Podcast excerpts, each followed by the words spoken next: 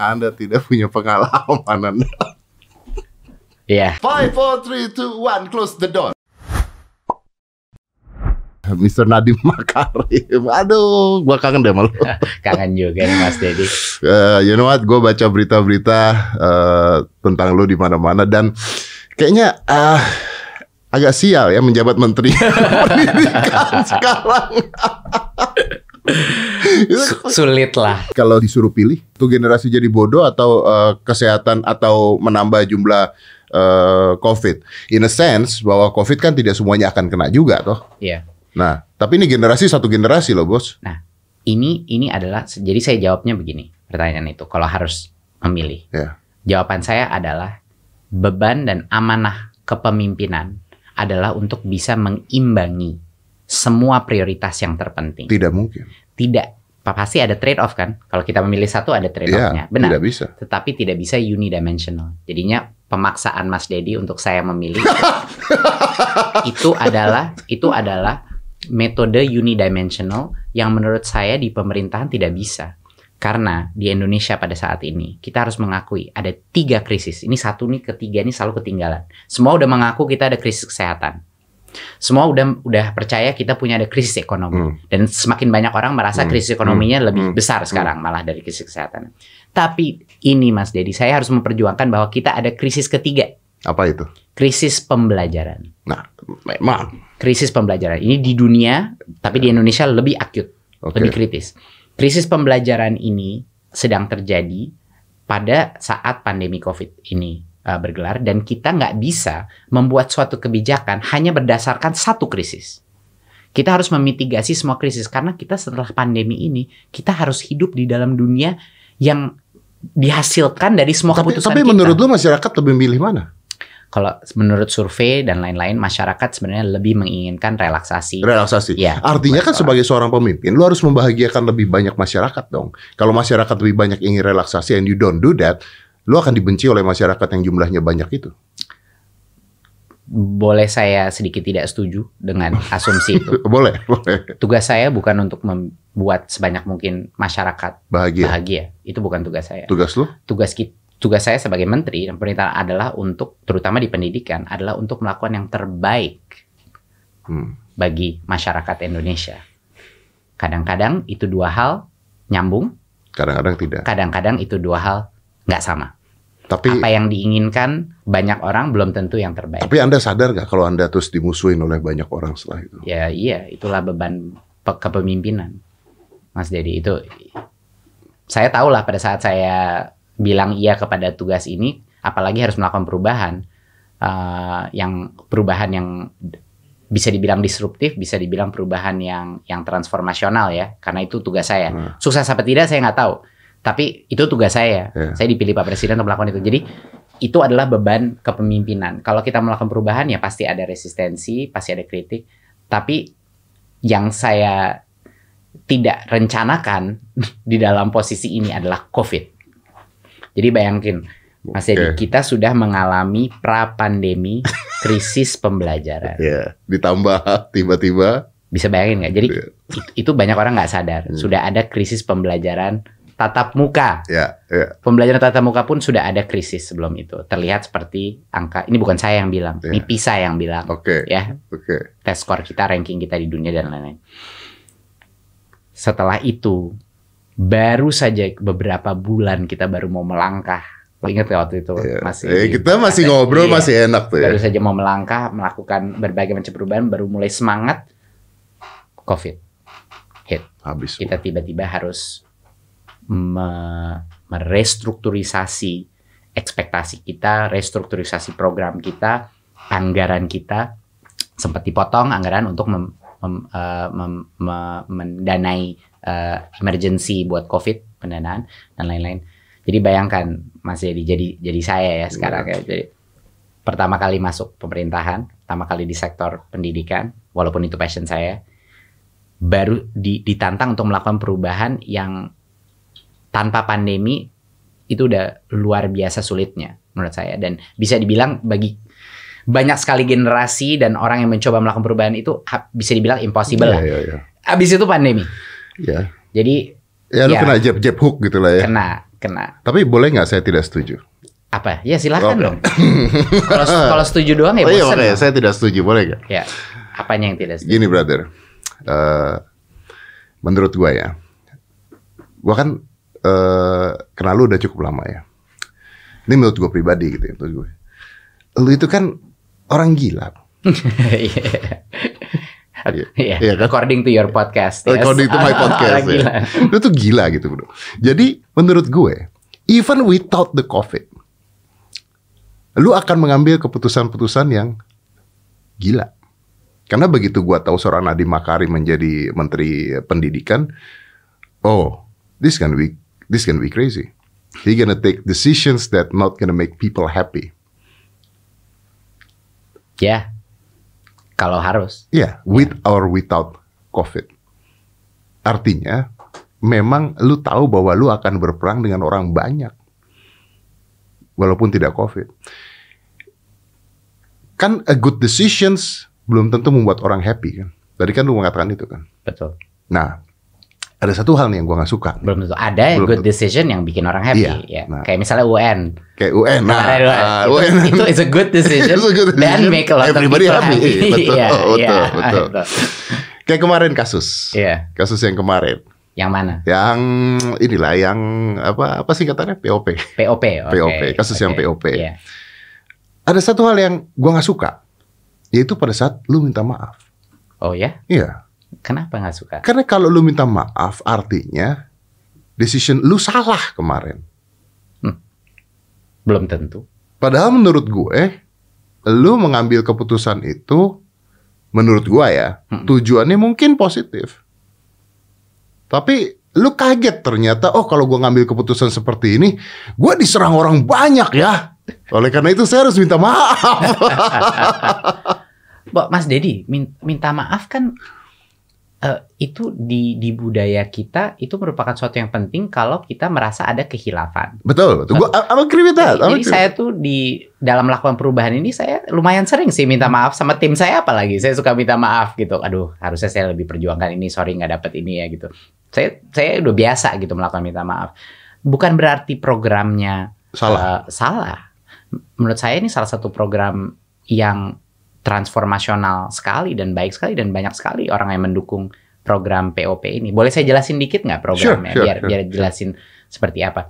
Tapi saya tapi untuk menutup tadi saya meminta maaf itu karena memang dalam pelaksanaan proses ini ada banyak kekurangan yang harusnya kita atasi dulu gitu. Oh, Iya. harusnya diatasi dulu ada banyak kekurangan atau lu tidak nyangka bahwa ada hal seperti itu yang Loh, akan terjadi. tidak tidak menyangka pun suatu kesalahan kan. Oh, harusnya saya tidak antisipasi. prepare, tidak Betul. antisipasi betul. Iya, Oke, with that. Oke. Saya orangnya fair game. Kalau Iya, iya. ngeritik diri ya bilang aja Oke, kayak saya suka saya salah gitu. Eh, tapi program POP itu Mas Dedi jadi gini. Simpelnya ya. Tidak mungkin jurus-jurus strategi perubahan transformasi guru atau sekolah itu semuanya ada di pemerintah. Hmm. Bahkan feeling saya nih, firasat saya, yang jagoan-jagoan yang punya jurus-jurus paling hebat untuk me- merubah mindset guru, merubah kompetensi guru, dan merubah bagaimana cara sekolah itu bertransformasi terhadap peningkatan pembelajaran. Hmm. Ya, kita ngomongin peningkatan pembelajaran. Itu ada di organisasi-organisasi besar dan kecil yang sudah bergerak di dunia pendidikan sudah lama. Yep. Jadi Lalu? saya kepengen mem- kita menciptakan suatu program Hmm. untuk menjadi laboratori sehingga pemerintah bisa melihat dan mengukur secara standar mana jurus-jurus yang dampaknya kepada pembelajaran murid itu paling besar. Jadi bayangkan kita bikin laboratori, organisasi-organisasi kita melakukan seleksi proses, lalu mereka melakukan perubahan-perubahan sendiri, kita observasi, dan nanti yang berhasil, teknik-teknik itu kita ambil, kita masukkan ke dalam sistem nasional. Anda akan menyinggung banyak orang. Ya, Anda Anda tidak punya pengalaman Anda. Iya. Bisa di, di beberapa aspek mungkin itu suatu advantage, di beberapa aspek itu disadvantage. Benar, benar. Oke. Mungkin saya juga ya perlu belajar lebih banyak lah Mas Dedi. Eh, tapi what you, what you should do kalau memang eh, itu lu mau lakukan tapi tidak membuat keramaian harus. Bukan, tapi kan keramaiannya kenapa Ah. terjadi gitu kan? Keramaiannya adalah dua hal. Satu adalah Oke, pertama program yang saya selesaikan dulu ya. Ya. Program itu jadinya kita melihat jurus-jurus yang sukses, kita teruskan dan kita ambil itu jurus nanti kita masukkan ke dalam sistem nasional. Mengerti ya? Jadi Iya, laboratorium. Iya, iya. Banyak persepsinya di masyarakat karena nggak ada yang mendapat penjelasan yang baik dan kami juga dari Kemendikbud mungkin belum memberikan penjelasan yang mendetil Oke. gitu dan Di dan sini jelasin lah. Iya ini salah. Bahwa persepsinya adalah ini mengukur kontribusi masing-masing organisasi Hmm. terhadap dunia pendidikan kita. Hmm. Yaitu salah. Seperti contoh, Hmm. kalau kita bikin program pembagian hibah Hmm.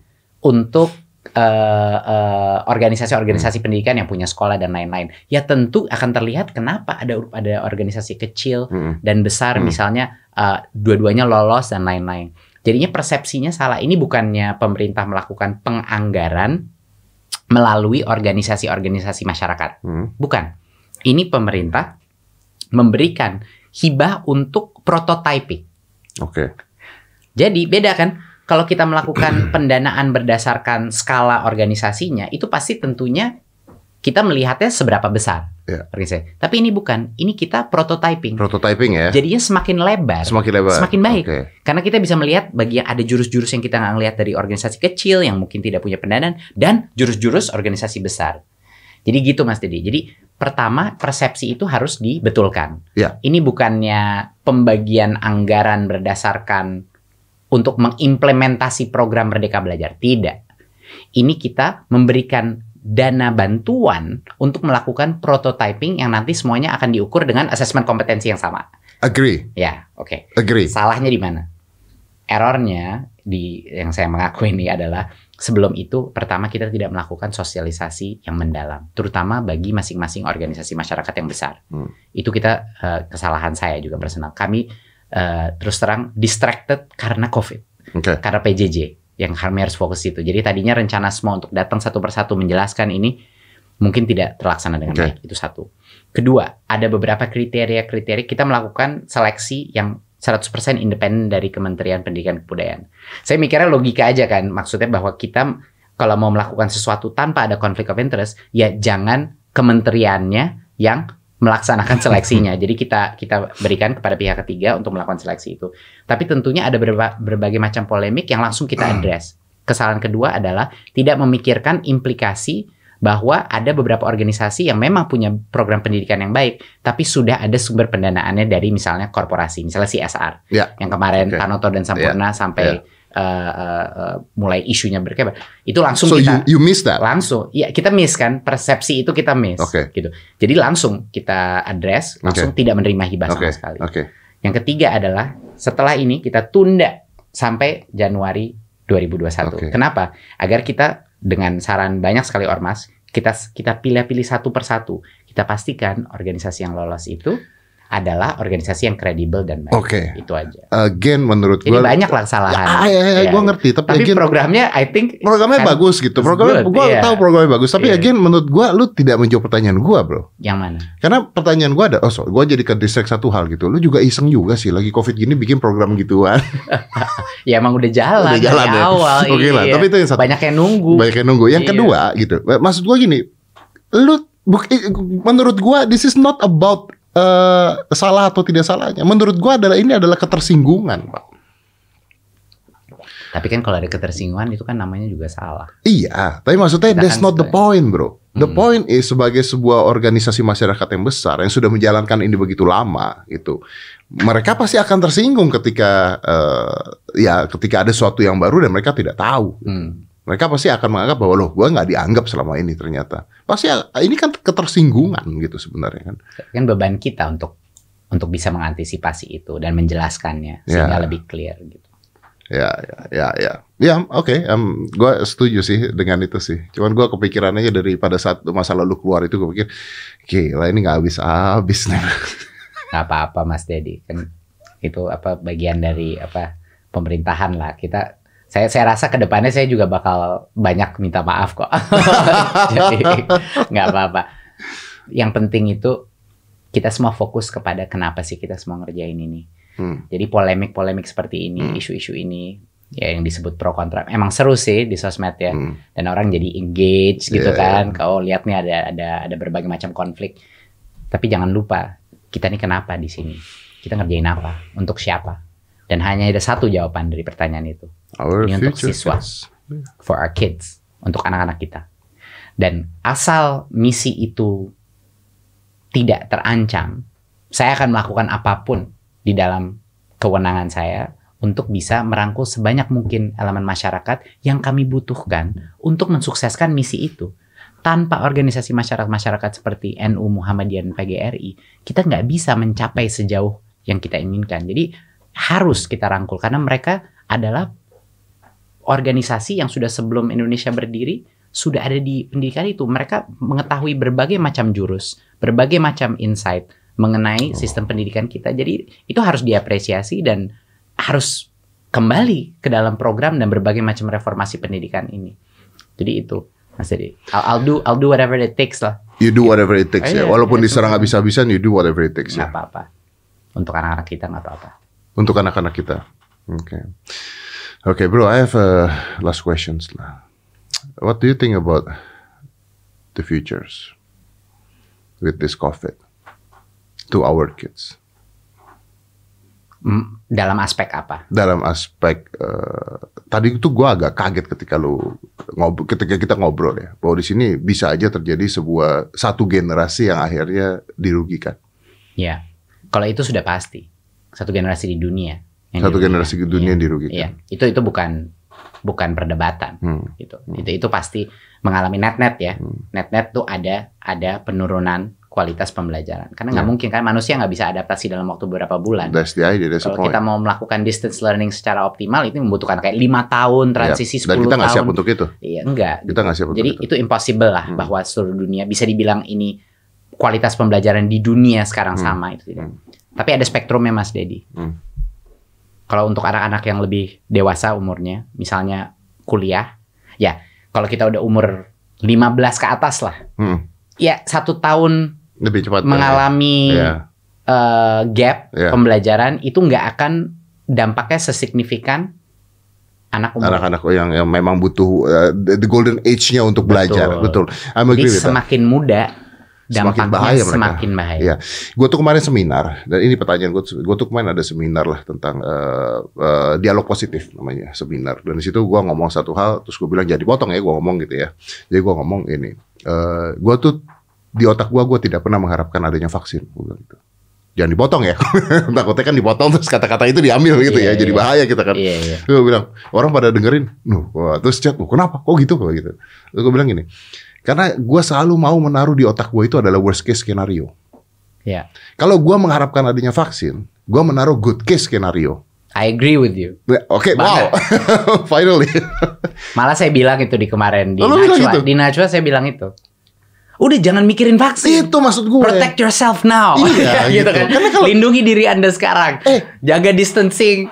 Pastikan Benar. protokol kesehatan, get Eh, tested. Rod, begitu lu gitu. mikirin vaksin, you get relax. Iya, nggak bisa. Terus akhirnya, ah udahlah nanti Iya, nunggulah. Oh iya. beginilah. begitu. Karena itu di luar kontrol kita. Itu di luar Setuju kontrol banget. kita. Mindsetnya harus Mindsetnya gitu. harus Nah, worst case skenario. Setuju. You want to talk about vaksin. Rusia bikin vaksin tiba-tiba laku begini, tiba-tiba diserang sama uh, Jerman bilang, oh itu vaksinnya nggak benar dan sebagainya. This vaccine takes time. Iya. Gitu. Nah, what if there will no be vaccine? Sudah pastilah ada vaksin. Apa mau bicara hipotetikal Iya. aja? Oke, pertama itu nggak mungkin. Pasti ada vaksin. Pasti ada vaksin Oke, ya. oke, oke. Masalahnya kan bukan itu. Masalahnya Masalahnya kapan? Kapan? Oke. Ya, itu. What if five years from now? Oke, oke. Terus j- pertanyaannya apa? Apa dampaknya kepada Kita, apakah kita akan punya um, anak-anak masa depan yang bodoh-bodoh? saya rasa tergantung. Saya rasa Indonesia tidak siap. Banyak negara tidak siap. Artinya iya dong. Oke. Tadi jadi ini nyambung sama pertanyaan tadi kan Mas Dedi, apa yang akan terjadi sama anak-anak kita? Iya. Oke. I'm not talking one year ya. I'm talking five years loh. Tapi ini hypothetical ya. Iya, hypothetical. Insya Allah kan enggak. Iya, iya kan worst case-nya. Tapi kalau worst case scenario, Uh, uh. jadi ini kita melakukan simulasi. Simulasi, ya. Ya, tolong kan? jangan di quote. ini. Jangan ikut ya. Ini Ya, nanti kita time code. di Ini quote. kita time code nih, Ya, kita time oke, code. Pokoknya oke. ketahuan kalau dipotong Ini- ketahuan ini nih. simulasi. Oke, kita ambil senario worst case scenario-nya. Kalau itu, kalau misalnya PJJ ini harus dilakukan uh, lebih lama lagi. Hmm. Yang harus terjadi adalah sebenarnya sama-sama apa yang udah terjadi sekarang, cuman diakselerasi lebih besar. Hmm. Jadinya tidak mungkin anak-anak itu tidak melakukan interaksi minimum tatap muka dengan guru. Hmm. Itu harus kita cari jalan. Oke. Apa small group, Oke. One, eh, kayak kayak grup bimbel lah, Oke. atau apa yang bisa dilakukan Hmm. dengan protokol kesehatan Hmm. harus kita mereimajinasi.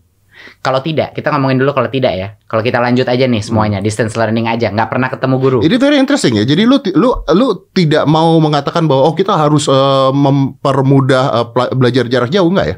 Tapi lu mengatakan bahwa harus ada ketemuan tetap ya? Harus. Harus ya? Ya, tapi juga harus ada optimasi. Ya, I- I know, I know, I optimalisasi pe- pembelajaran jarak I know, tapi tatap muka itu penting berarti artinya. penting banget. Penting banget. Penting banget. Semakin muda semakin penting. Oke. Ya, saya orang teknologi. Jadi untuk saya bilang itu, itu harusnya didengerin orang. Itu dia makanya gue tidak Ya. berharap lu ngomong itu karena you know what? Gue berharap jawaban lu adalah bahwa oh kita harus menaikkan infrastruktur internet begini begini begini. Itu iya, semua itu iya. Karena internet apa teknologi based learning itu sangat penting, Iya, tapi ada limitnya. iya. Dia bisa mensubstitusi tatap muka. Gini aja deh simpelnya, Mas Dedi. Pembelajaran itu tidak terpisah. Kita suka memikirkan otaknya anak kita ini ada otak kognitif, Iya, iya. ada otak emosional, Iya, ada iya. ada otak kanan, otak kiri lah. Jadi itu itu cara manusia mensimplify aja cara kita mikir. Semuanya nyambung, Mas Dedi. Secara klinis, pembelajaran itu tidak bisa terjadi kalau psikososial, emotional safety daripada anak-anak itu tidak terjaga. Sekarang bayangkan dampak Mas Dedi pernah belajar dari orang jangan jangan ngomongin sekolah, apa pun di hidup Mas Dedi. Coba bayangkan orang yang Mas Dedi belajar dari orang itu Hmm, hmm. pasti ini taruhan saya pasti orang yang Mas Dedi itu belajar dari orang itu adalah orang yang Mas Dedi trust I'm agree with that. dan orang yang Mas Dedi percaya dia care Iya, dan believe in you. iya. Oke. Itu hubungan itu the building serat-serat trust Hmm. antara dua manusia itu tidak bisa terjalin melalui Zoom. Sama aja atau enggak kita melakukan semua pacaran lewat eh, eh, misalnya orang pacaran atau ke dating ya eh, pendekatan gitu semuanya lewat Zoom aja nggak bisa Iya. sama dengan anak dan hubungan dengan orang dewasa. Untuk bisa menjalin hubungan emosional yang kuat dengan guru, orang tua tentu harus ada tatap mukanya, komponennya. Jadi tidak ada itu namanya pembelajaran kalau tidak ada hubungan emosional antara si orang dewasa sama anak itu. Itu yang pertama. Apalagi semakin kecil, semakin kecil semakin penting. Kedua adalah disiplin. Semua orang tua sudah mengeluh mengenai ini. Banyak sekali Oh, anak-anaknya, oke oke. anak-anaknya udah tidak menemukan rutinitas Oh, ya, dan termasuk anak saya. iya.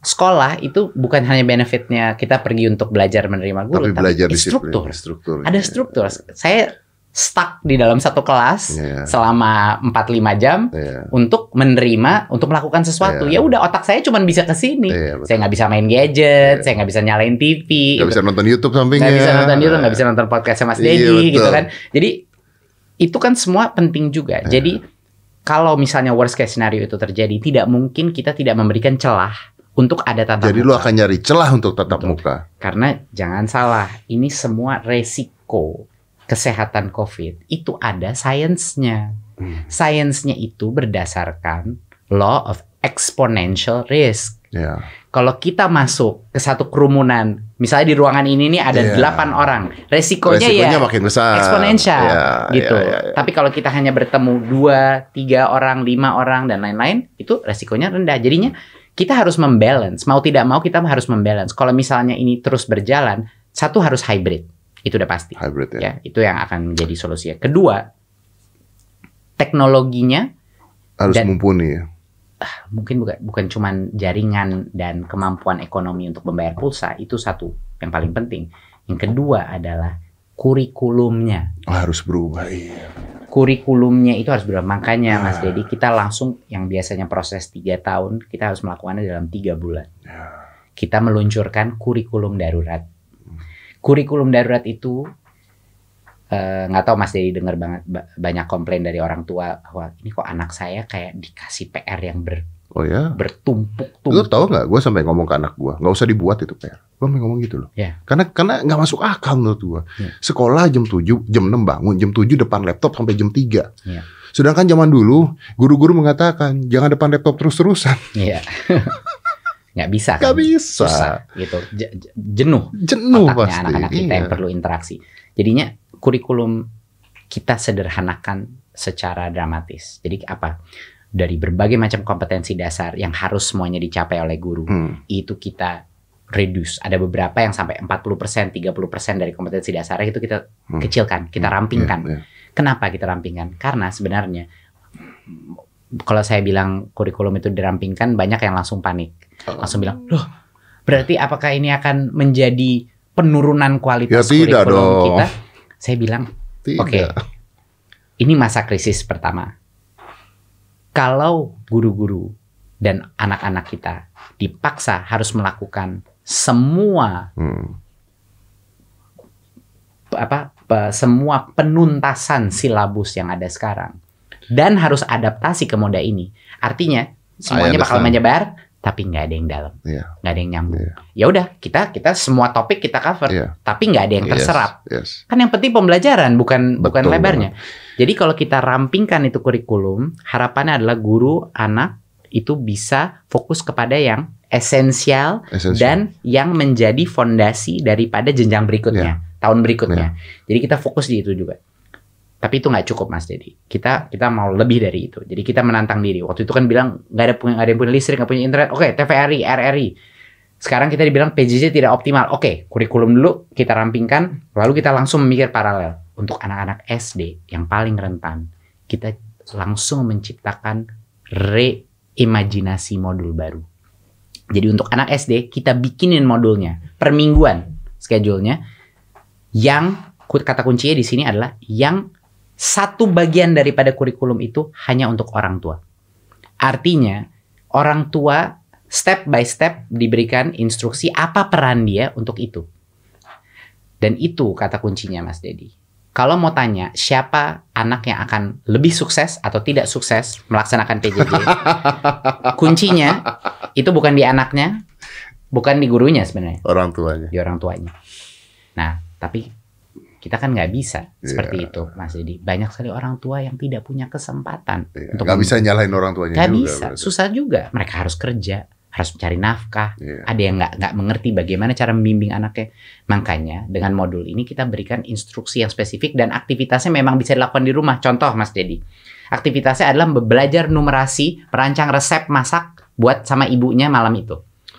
Jadi dia mengukur semua resep itu perlu berapa takarannya untuk bikin nasi goreng, tapi dia merancang sendiri bagaimana mengkalkulasi jumlah cabai, bawang putih dan lain-lain. Jadi dia menggunakan contextual learning untuk mengerti konsep numerasi dan critical thinking dan membangun karakter karena Hmm. dia menjaga hubungan dengan beraktivitas Ya. itu dengan ibunya, Ya. dia membangun hubungan yang erat dalam suatu aktivitas yang memang sudah dikerjakan anyway oleh ibunya. Hmm. Itu salah satu contoh modul kurikulum untuk SD.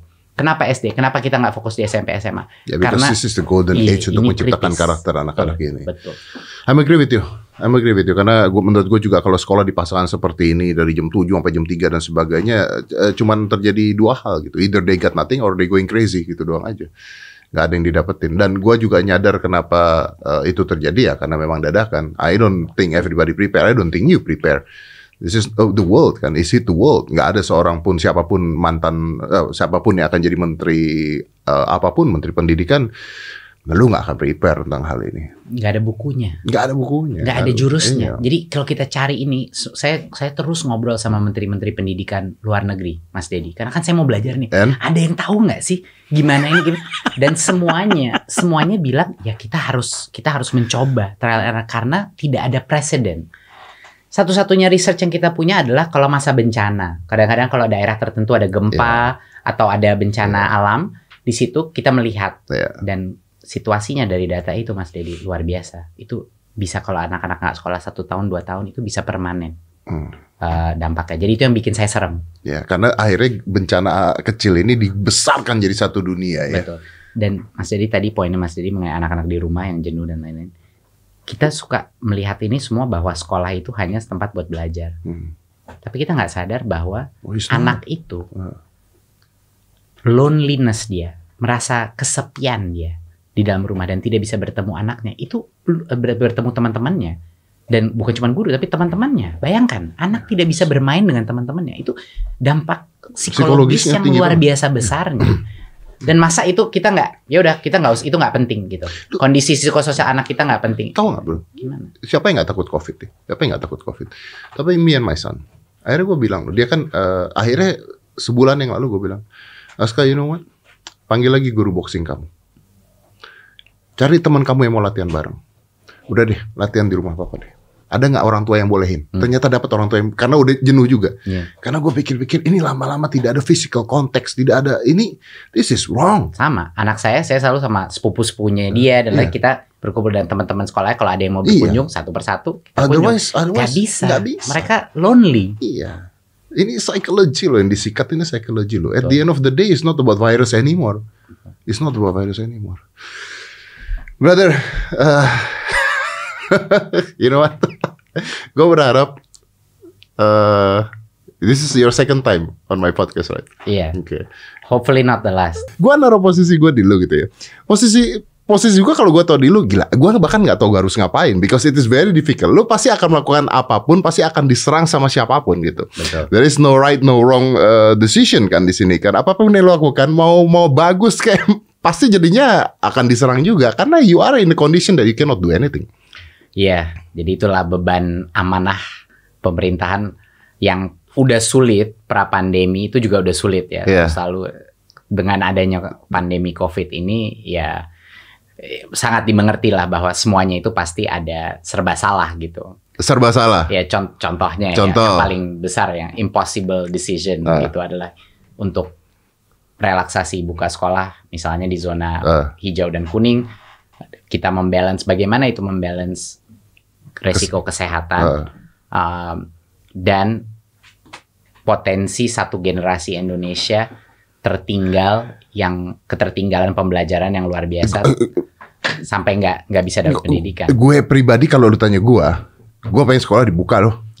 ya karena gini, karena anak gue aja nggak bisa belajar di rumah. Ini sekolah mahal loh, bro. Saya rasa mayoritas Mas Dedi Nah, sepakat sama Mas. Sekolah mahal nggak bisa dibuka. Iya. Eh, belajar di rumah, online school. I'm sorry to say gitu ya, walaupun eh, mungkin ke depannya mau online school, it nggak jalan bos, nggak jalan online school itu. Kalau gue pribadi sih, gue pengennya anak gue sekolah lagi. Udah balik sekolah. Masalah kesehatan, ini gue pribadi ya, jangan diikutin ya teman-teman ya. Gue pribadi, masalah kesehatan kita bisa take care kok.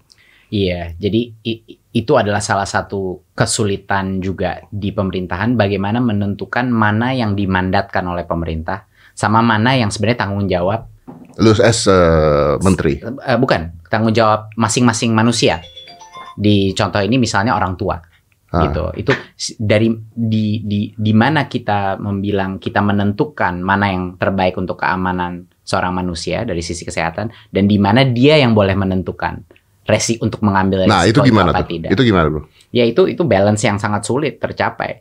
Makanya di di relaksasi zona hijau dan kuning itu prinsip dasarnya adalah pe- pemegang keputusan itu ujung-ujungnya Hmm. orang tua. Ujung-ujungnya orang tua. Betul. Udah nggak bisa dong bos. Kalau misalnya lu tidak membiarkan sekolahnya buka, nggak bisa ujung-ujungnya orang tua. Eh, bukan, bagian satunya lagi. Jadi ya untuk yang zona merah sama oranye tidak boleh sama sekali. tidak Itu boleh sama sekali. Mereka mau pun tidak boleh. Oke. Ya karena resikonya terlalu tinggi. Untuk yang zona kuning dan hijau, makanya kita baru buka yang kuning juga, itu diperbolehkan tapi tidak dipaksakan. Sekarang bayangin Mas Dedi. Jadinya diperbolehkan aja, itu yang zona hijau yang udah satu setengah bulan kita perbolehkan, itu cuma sekitar 15-20% Mas Dedi yang sudah melakukan tatap muka. Hmm. Kenapa? Kecil sekali. Padahal banyak sekali orang tua dan dan daerah itu kepengen karena protokol kesehatannya sangat ketat Ribet. checklistnya besar yang harus untuk persiapan itu. Bahkan setelah itu mereka harus shifting, melakukan rotasi karena cuma 50% kapasitas. Udah nggak ada lagi tuh acara kantin, berkumpul-kumpul, ekskul, itu udah nggak boleh lagi. Jadinya bahkan kalau mereka mau tatap muka, izinnya aja sangat eh, eh, eh, komprehensif. Jadi gini, Pertama, pemerintah daerahnya harus bilang, oke, saya siap Hmm. untuk melakukan tatap muka. Ya. Kedua, sekolahnya harus mempersiapkan checklist yang kita dapat dari Kemenkes dan gugus tugas. Sanitasi, masker udah siap dan lain-lain. Ketiga, izin. Izin itu harus datang dari Pemda pertama. Kedua adalah kepala sekolahnya harus minta izin oleh komite sekolah. Komite sekolah itu adalah perwakilan orang tua Perwakilan orang tua. perwakilan orang tua dan tokoh masyarakat di setiap sekolah kita. Itu ada namanya komite sekolah. Jadinya orang tua tuh memilih representatif dia di situ. Bullshit. Komite sekolah itu harus bilang yes untuk membuka ini. Jadinya Bullshit. orang tua itu. Dan masih di belum belum cukup. Jadi ini bagi banyak sekali mungkin eh, orang tua yang resah dengan relaksasi di zona kuning ini harus diklarifikasi. Bahkan kalau sekolahnya mulai tatap muka, dapat persetujuan komite sekolah, tapi ada individu, ada orang tua, ada ibu misalnya yang tidak memperkenankan anaknya untuk datang ke sekolah, dia mau laks- dia hanya mau di rumah dan lakukan PJJ, anak itu tidak boleh dihukum secara akademis oleh sekolah itu dan dia masih melanjutkan PJJ. Kalau dia masih melanjutkan PJJ, artinya sekolahnya harus menyiapkan dua hal dong, sekolah tatap muka dan sekolah PJJ. Ini klarifikasi lagi Mas It's Dedi. impossible, bro. Harus karena bahkan yang tatap muka 50% at any given time 50% daripada populasi siswa itu tidak boleh masuk sekolah. Jadinya anak itu rotasi. Iya, jadinya kita tatap muka pun bukan normal. Ini new normal. Jadinya new normal. This is not normal. Tidak. Jadi makanya ba- bagi bagi banyak sekali orang tua yang kaget dengan eh, pengumuman empat kementerian kemarin yang mengenai relaksasi ini harus diperjelas dulu nih ke banyak orang tua. Jadi sebenarnya idenya tatap muka, sekolah tatap muka itu seperti apa? Itu sekolahnya kosong banget, cuman setengah dari kapasitasnya. Maksimum Oh my 18 anak per kelas. Biasanya kan rombol 36 nih di kelas. Jadi pas- jadi setengah dari populasi kelas di SD, SMP, Yeah. SMA yang melakukan tatap muka Yeah. itu ada di rumah. ya, ya, tapi eh, gini bro, kalau lu melakukan hal tersebut, kalau itu adalah aturan-aturan, itu sama aja dengan mengatakan sekolah nggak boleh buka dong. Males gila suruh ngurusin begituan semua dan only to open the school. Sekolah akan memilih udahlah nggak usah buka aja lah. Do you know what? Uh, sorry I cut you this. Do Yeah. you know what? Ini yang gua nggak suka. Satu hal yang gua nggak suka. Anak gua sekolah di sekolah internasional. Lu tau lah ya berapa mahalnya tuh sekolah internasional. Ketika dia sekolah online school, kita di diskon. Yang diskonnya tuh satu persen kali. Nggak masuk akal. Iya.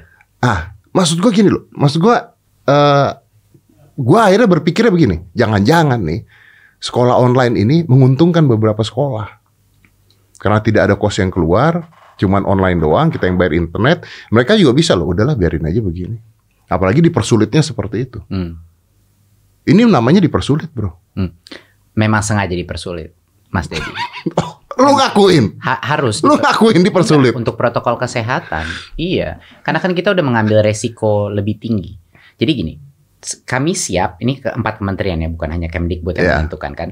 Semuanya Menteri Dalam Negeri, eh, Kementerian Iya. Kesehatan, Iya. ya, dan Kementerian Agama. Jangan lupa, ini cuma, cuman saya jadi corongnya karena Iya. karena policy spesifiknya saya yang menjelaskan. Jadi eh, kenapa di bukan bukan dipersulit ya kata yang benar ya, tapi mungkin dibuat kriteria yang ketat sekali. Agar- Tidak tidak dipermudah intinya ya. Tidak, tidak karena memang sengaja harus checklistnya harus semuanya rampung selesai dan akuntabilitasnya harus jelas. Harus ada perizinan dari stakeholder yang terpenting yaitu orang tua. Jadi masing-masing ini untuk diketahui semua masyarakat. Kalau ada orang tua yang sangat khawatir dengan adanya relaksasi sekolah Iya. mereka, tolong di aspirasi itu disebut kepada komite sekolah. Itu yang dibilang. Lalu komite sekolah kan harus menentukan, gitu kan beserta dengan kepala sekolah. Pada saat siap baru boleh masuk. Memang tapi mm, Mas Dedi bisa dibilang ribet tapi selama ini kan mereka sudah melakukan PJJ dengan segala ketidaksempurnaannya PJJ.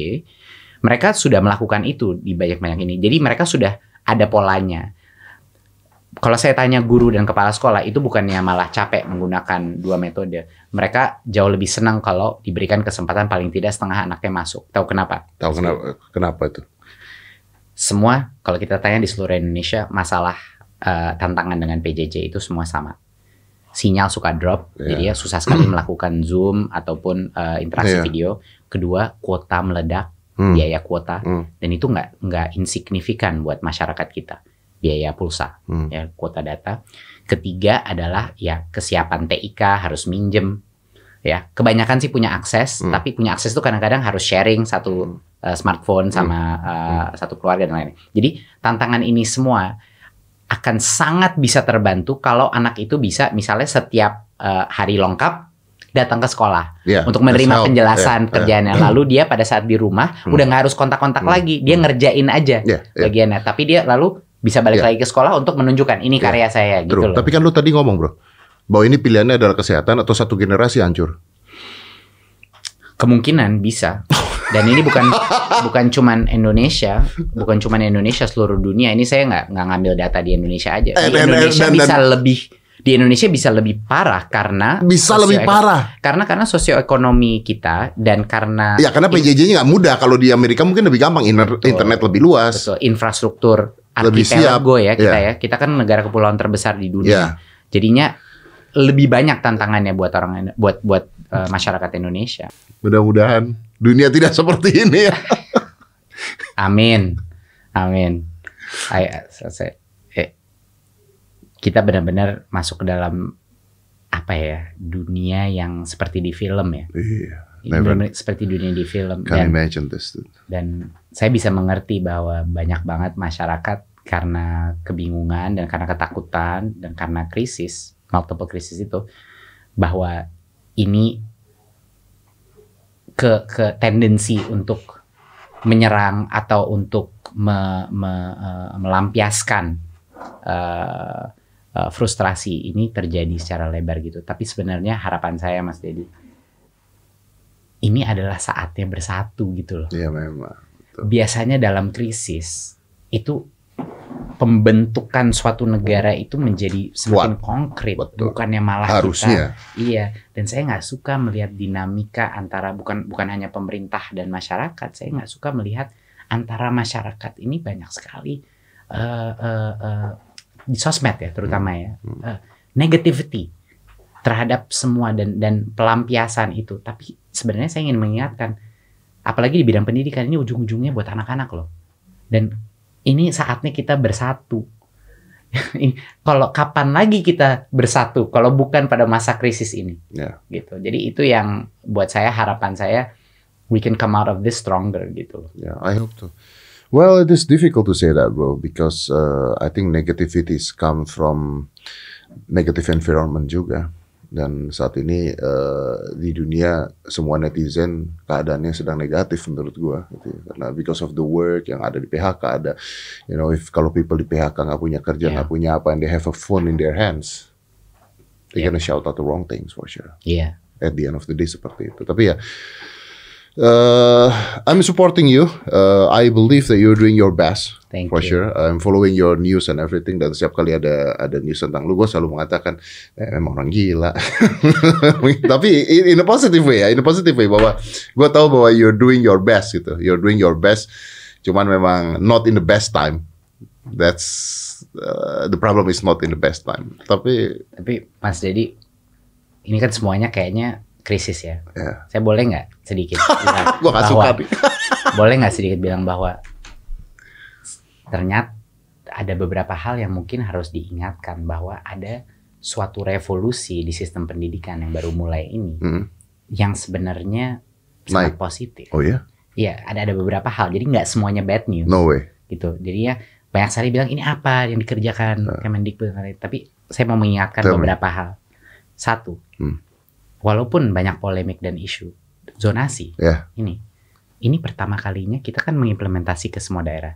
Ini pertama kalinya sko- eh, anak-anak dari sosioekonomi menengah ke bawah yang nggak mampu bimbel dan biasanya nggak mampu bimbel buat UN itu pada masuk sekolah negeri dan tidak terpaksa bayar SPP di sekolah swasta. Ya ya ya ya. ini ini silently tiba-tiba terjadi nih di semua daerah. Memang menimbulkan banyak polemik dan isu yang harus kita atasi sama-sama. Tapi pertama kalinya anak-anak ekonomi menengah ke bawah bisa masuk sekolah negeri.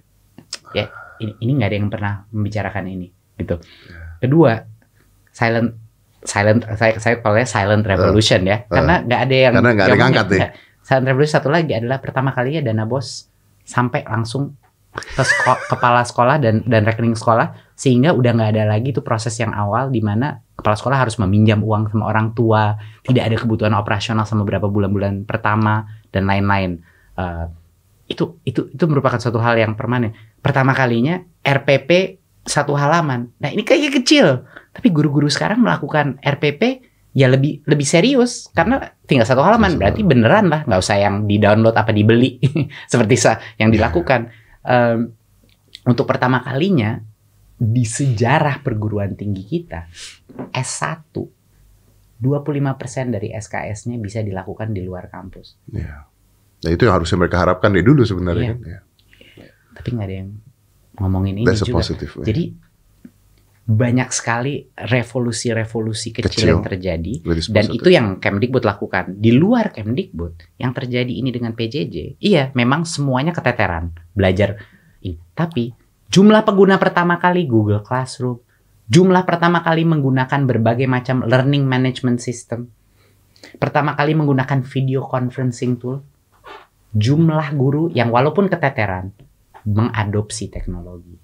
Ini kita nggak tahu nih dampaknya kayak apa 2-3 tahun ke depan. Tapi it's good for the future. Menurut saya, kita saya belum bisa bilang good, Iya, iya, iya. ya. tapi ini sangat Can- interesting. Very interesting. Sangat interesting It's a dynamic, melihat iya, iya. ini gimana nih dampak Iya. kita kepada familiarity kita terhadap teknologi Ya. dan apa yang bisa kita lakukan untuk menjadikan ini bukan hanya krisis tapi suatu kesempatan untuk melakukan lompatan in the future. Yes. So it's not bad newsnya jauh lebih besar. Tapi there is a Tapi good ada news. butir-butir good news. Kecil yang sebenarnya baik. Berapa jumlah orang tua yang sekarang baru mengenal kurikulum?